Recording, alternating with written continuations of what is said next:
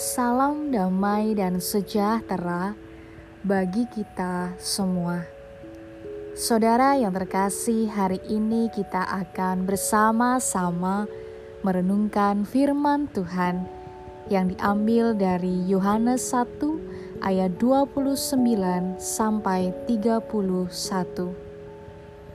Pada keesokan harinya, Yohanes melihat Yesus datang kepadanya, dan ia berkata, "Lihatlah Anak Domba Allah yang menghapus dosa dunia.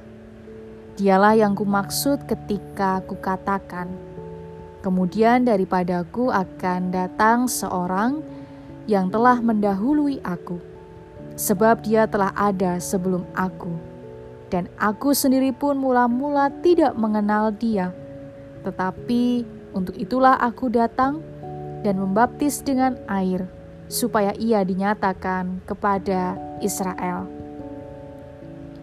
Anak domba Allah, saudara yang terkasih, sering kita mendengar bahwa salah satu kualitas hidup pengikut Kristus adalah penuh kasih dengan rela berkorban. Hal ini telah, sedang, dan akan selalu diperjuangkan di dalam kehidupan kita sebagai anak-anak Allah. Dalam bacaan kita, Yohanes Pembaptis selalu menunjuk kepada Yesus sebagai yang jauh lebih besar ketimbang dirinya. Bahkan ia mengatakan, "Membuka tali kasutnya pun aku tidak layak." Yohanes Pembaptis amat memahami bahwa tugasnya hanyalah sebagai pemersiap jalan bagi Sang Kristus, karena Dialah yang utama yang dinanti-nantikan.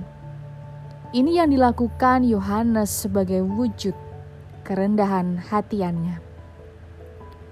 Yohanes menjelaskan bahwa ia yang ditunggu-tunggu kedatangannya bukanlah seorang pemimpin yang besar melainkan bagai seekor anak domba.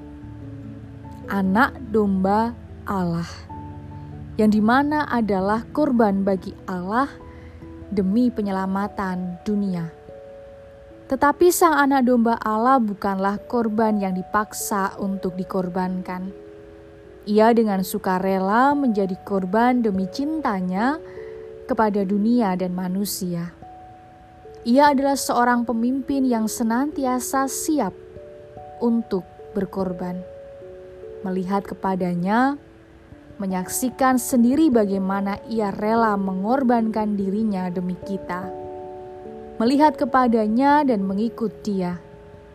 Mengikut dia bukan sekedar karena janji kelimpahan, kesejahteraan, kemakmuran, kesembuhan, kekuasaan, atau kemuliaan, tetapi mengikut Dia yang meneladani Sang Anak Domba Allah, mencontoh kepedulian dan kasihnya yang besar kepada dunia kita yang carut-marut ini, dan kepada mereka yang tersisi dan tertinggal di tepian kehidupan kita.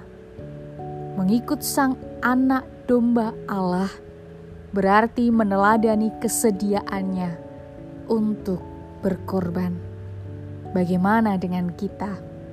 Bersediakah kita untuk rela berkorban? Selamat berefleksi. Tuhan Yesus memberkati.